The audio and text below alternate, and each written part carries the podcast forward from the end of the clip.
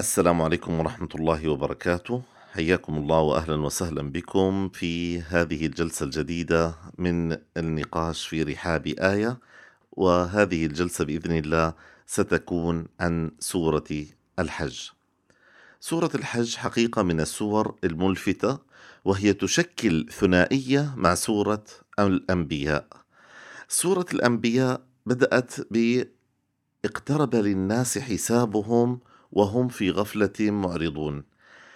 سورة الحج بدأت بداية ليست بعيدة عن ذلك حديث عن الناس، لكن انتقلت من حالة سورة الأنبياء المتكلمة عن الغائب اقترب للناس إلى حالة المخاطب المباشر للناس يا أيها الناس يا أيها الناس اتقوا ربكم إن زلزلة الساعة شيء عظيم بدأت سورة الحج بهذا التنبيه والتحذير شديد اللهجة ماذا سوف تناقش هذه السورة؟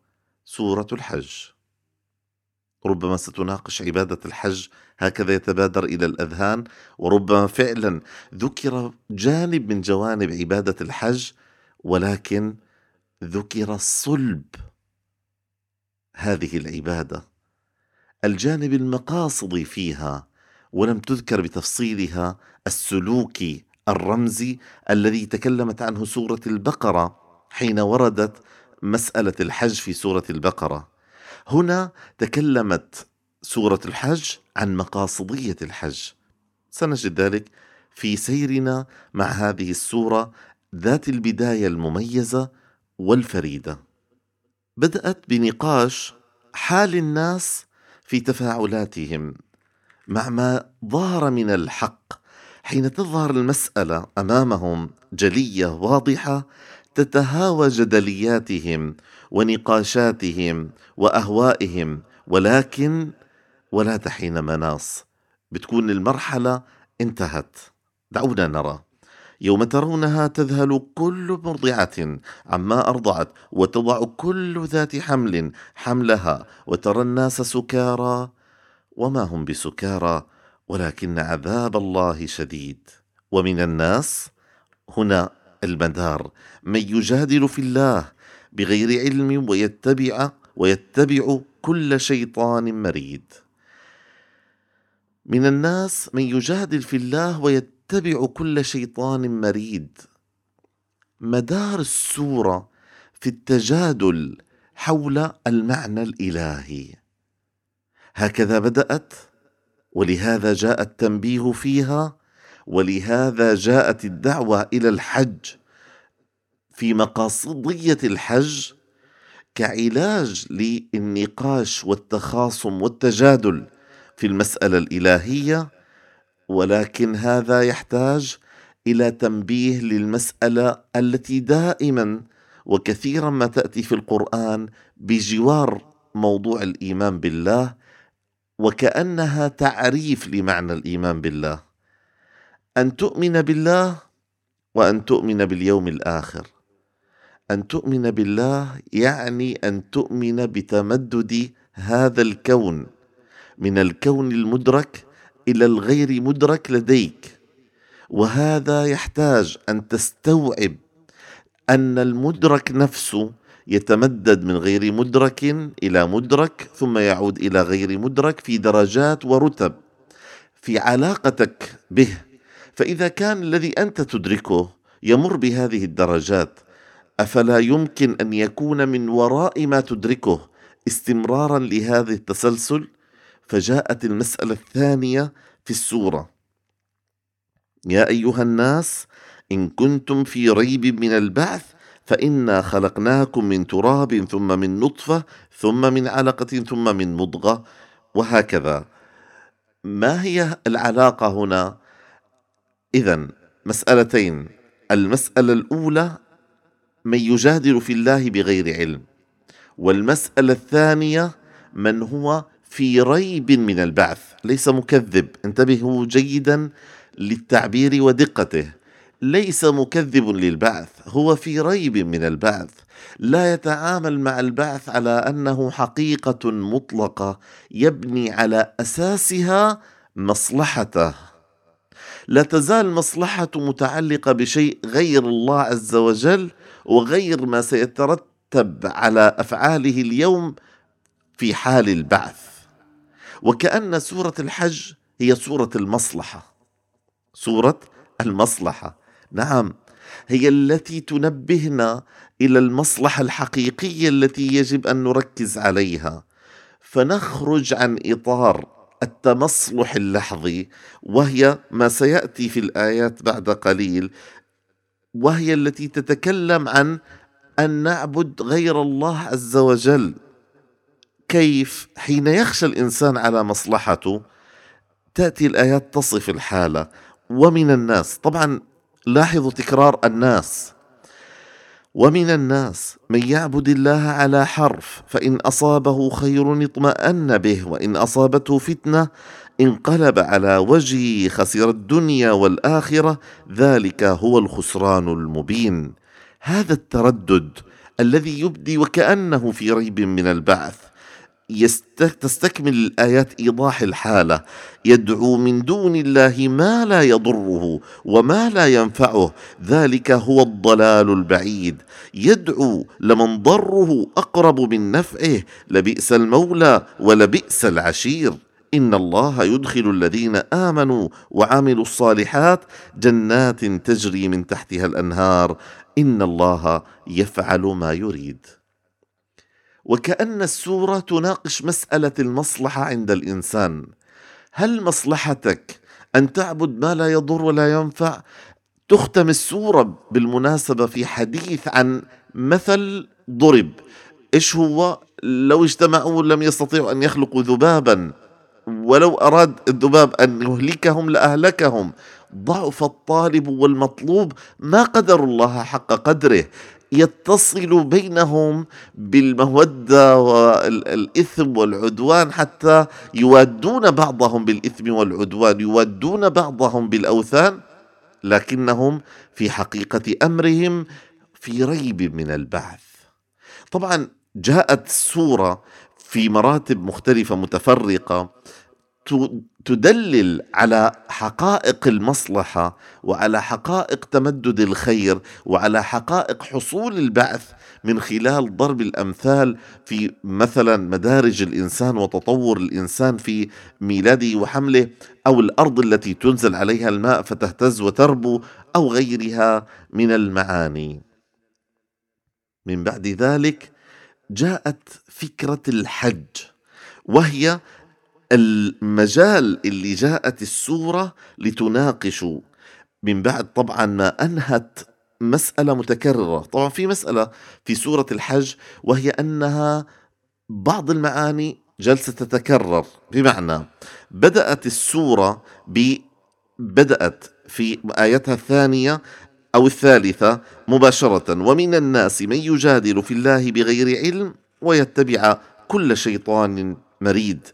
ثم بعد ذلك عادت في الآية الثامنة والتاسعة ومن الناس من يجادل في الله بغير علم ولا هدى ولا كتاب منير ثاني عطفه ليضل عن سبيل الله له في الدنيا خزي ونذيقه يوم القيامة عذاب الحريق. ثم بعد ذلك عادت من جديد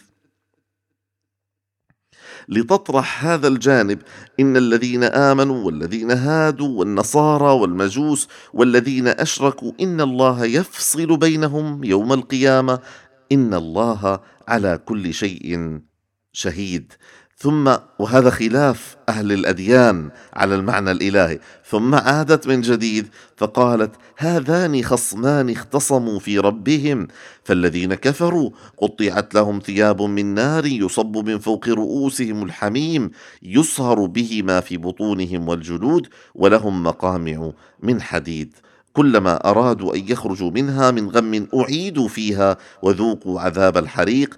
إن الله يدخل الذين آمنوا وعملوا الصالحات جنات تجري من تحتها الأنهار يحلون فيها من أساور من ذهب ولؤلؤا ولباسهم فيها حرير. وكأن السوره أخذتنا في مدارج الحوار والجدال والنقاش. من يجادل في الله بغير علم. بعد ذلك ومن الناس من يجادل في الله بغير علم. بعد ذلك جاءت مسألة أن الله عز وجل يفصل بينهم. كيف يا رب ستفصل؟ سيكون لمن كفر عذاب أليم. طيب هل عرفنا من كفر من هؤلاء المذكورين الذين هادوا والصابئين والنصارى والمجوس والذين أشركوا؟ إن الله يفصل بينهم يوم القيامة. إنه على كل شيء شهيد. تولية الإنسان نفسه مسؤولية محاسبة الخلق. مسألة توقفها سورة الحج. وفي نفس الوقت تعد بنصرة المؤمنين. من المؤمنين؟ الموعودين بالنصر الإلهي في سورة الحج. طبعا تأتي سنعود لها وهدوا إلى الطيب من القول وهدوا إلى صراط تأتي حالة النصرة في الآية التي هي آية 38 إن الله يدافع عن الذين آمنوا. إن الله يدافع عن الذين آمنوا. هنا تأتي مسألة الدفاع. إن الله لا يحب كل خوان كفور. من الخوان الكفور؟ أذن للذين يقاتلون بأنهم ظلموا وإن الله على نصرهم لقدير. الذين أخرجوا من ديارهم بغير حق إلا أن يقولوا ربنا الله ولولا دفع الله الناس بعضهم ببعض لهدمت صوامع وبيع وصلوات ومساجد يذكر فيها اسم الله.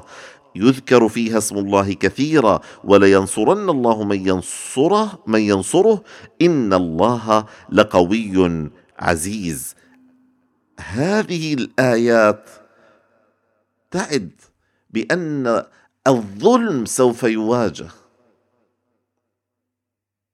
وأن الحق هو أن الله عز وجل يفصل بينهم يوم القيامة. ليس مسؤولية أحد أن يفصل. في الدنيا ومن يتولى الفصل في الدنيا بيده مدعيا أنه معه وكالة إلهية ليفصل بين الناس ويحاكم الناس على دينهم ومعتقدهم ودخولهم الجنة والنار قبل أن يأتي حسابهم يوم القيامة. الله عز وجل أذن أذن للذين قالوا ربنا الله قالوا ربنا الله. الذين هادوا والنصارى والصابئين والنصارى والمجو كلهم يقولون ربنا الله. حتى المشركين يقولون ربنا الله ولكنهم يشركون به تختل عندهم العلاقة الإلهية. هؤلاء الذين قالوا ربنا الله ثم جاء أحد فعاقبهم على قولهم لأنه يخالف ما يراه في أن يكون معنى إلهي. هذه مسألة في منتهى الدقة والخطورة.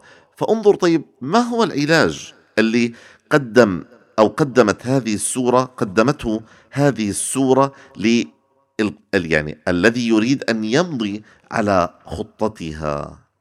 وهدوا إلى الطيب من القول وهدوا إلى صراط الحميد. إن الذين كفروا ويصدون عن سبيل الله والمسجد الحرام الذي جعلناه للناس سواء العاكف فيه والباد ومن يرد فيه بإلحاد نذقه من عذاب أليم. وإذ بوأنا لإبراهيم مكان البيت ألا تشرك بي شيئا وطهر بيتي للطائفين والقائمين والركع السجود وأذن في الناس بالحج.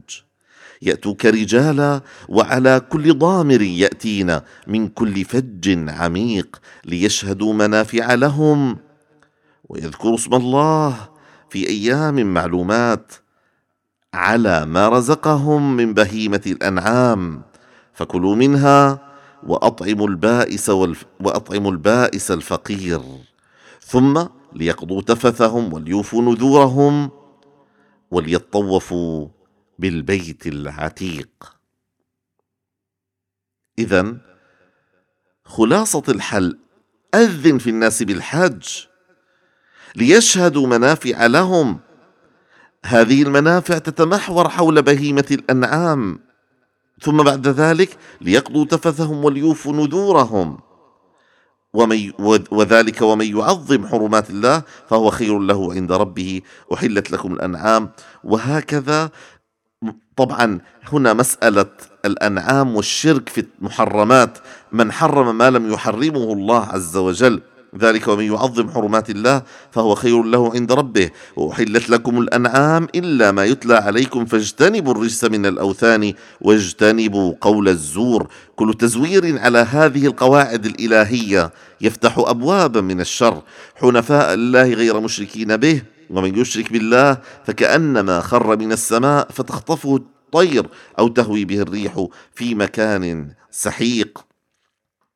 بعد ذلك ولكل أمة جعلنا منسكا ليذكروا اسم الله عليه ليذكروا اسم الله على ما رزقهم من بهيمة الأنعام فإلهكم إله واحد فله أسلموا وبشر المخبتين.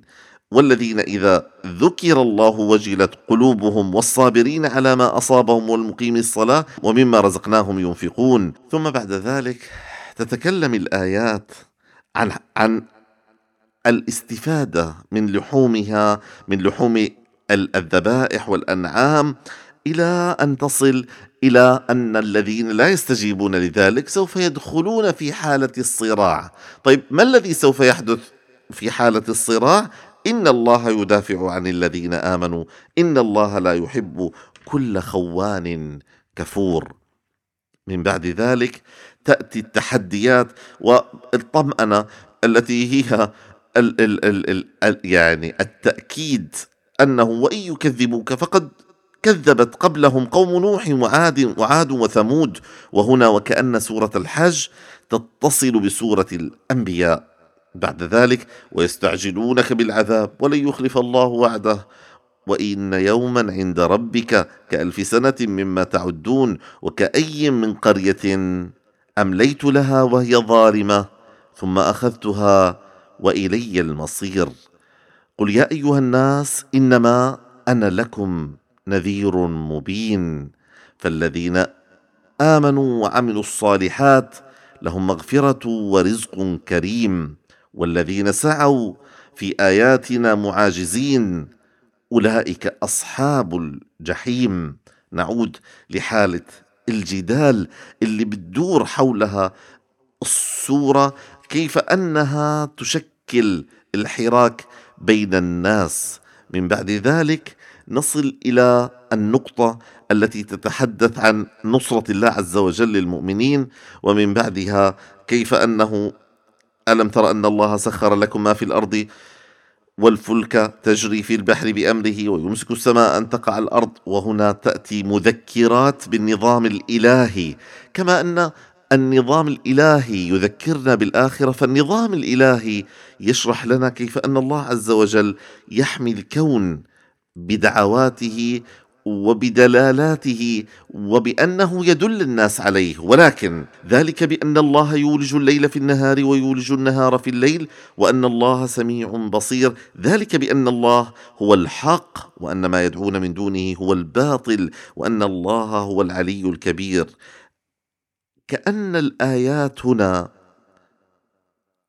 تشير لمعنى أن الذي يحدث في الكون حتى الذي يحدث في الكون هو ما دون الله أي أنه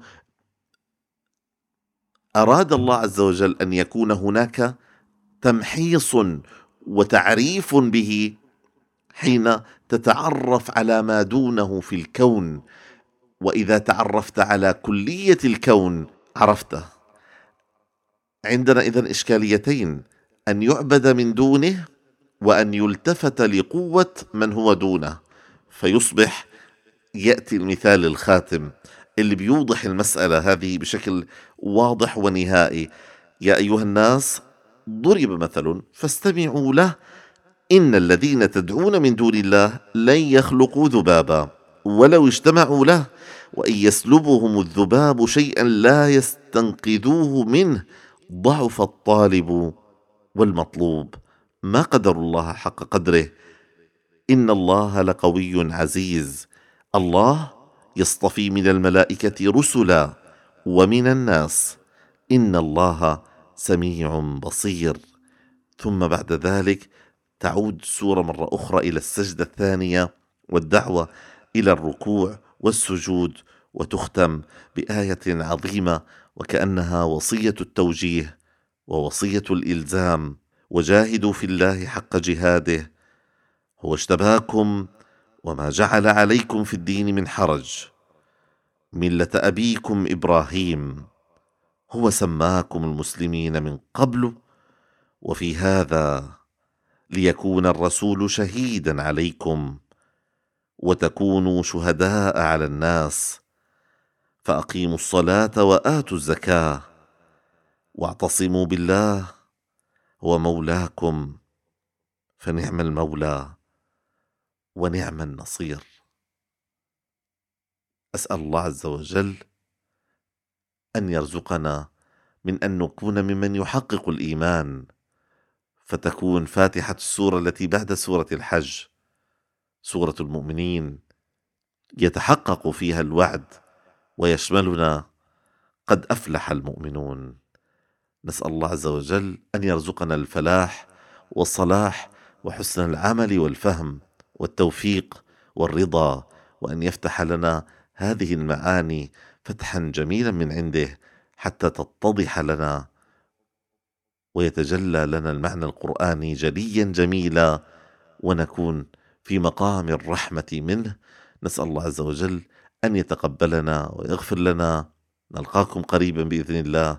والسلام عليكم ورحمة الله وبركاته.